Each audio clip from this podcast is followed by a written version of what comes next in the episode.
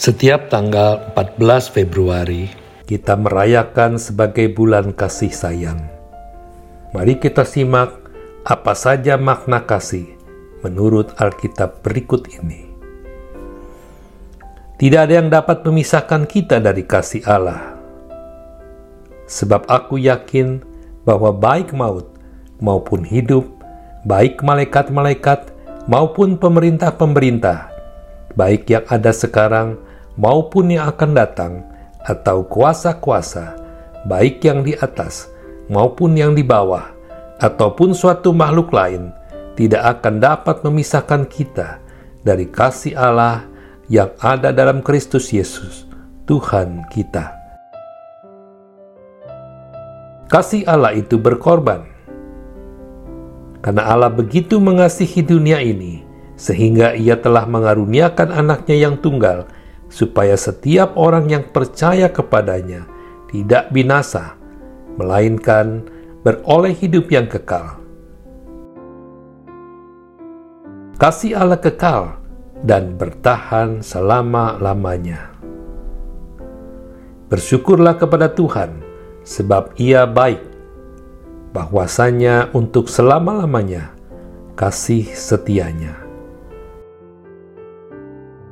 Kita diperintahkan untuk saling mengasihi satu sama lain.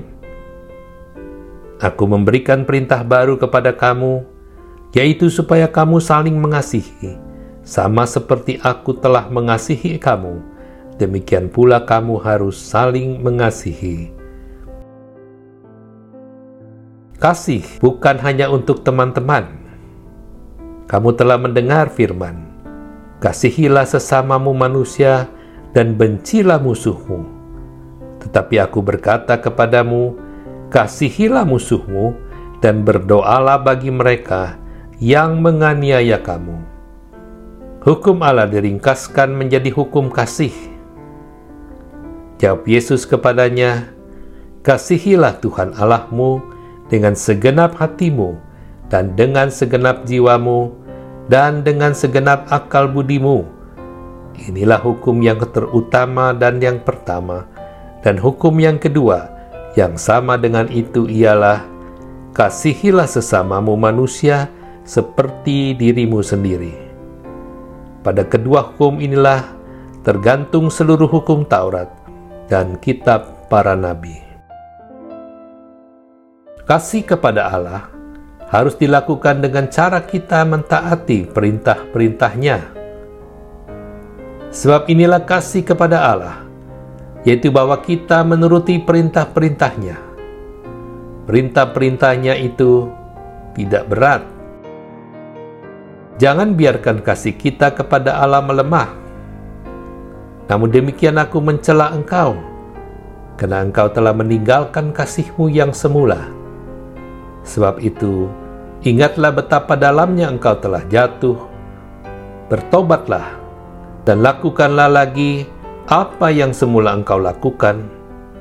Jika tidak demikian, aku akan datang kepadamu, aku akan mengambil kaki dianmu dari tempatnya, jikalau engkau tidak bertobat.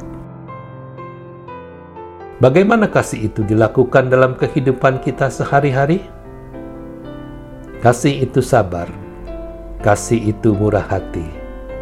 Ia tidak cemburu, ia tidak memegahkan diri dan tidak sombong. Ia tidak melakukan yang tidak sopan dan tidak mencari keuntungan diri sendiri. Ia tidak pemarah dan tidak menyimpan kesalahan orang lain. Ia tidak bersuka cita karena ketidakadilan, tetapi karena kebenaran.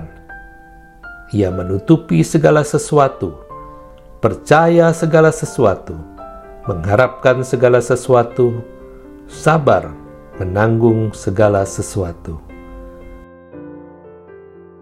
Siapa bertelinga, hendaklah ia mendengar. Kiranya semua ayat di atas mengingatkan kita kembali untuk melakukan semua itu di dalam kehidupan kita sehari-hari demi kemuliaannya. Amin.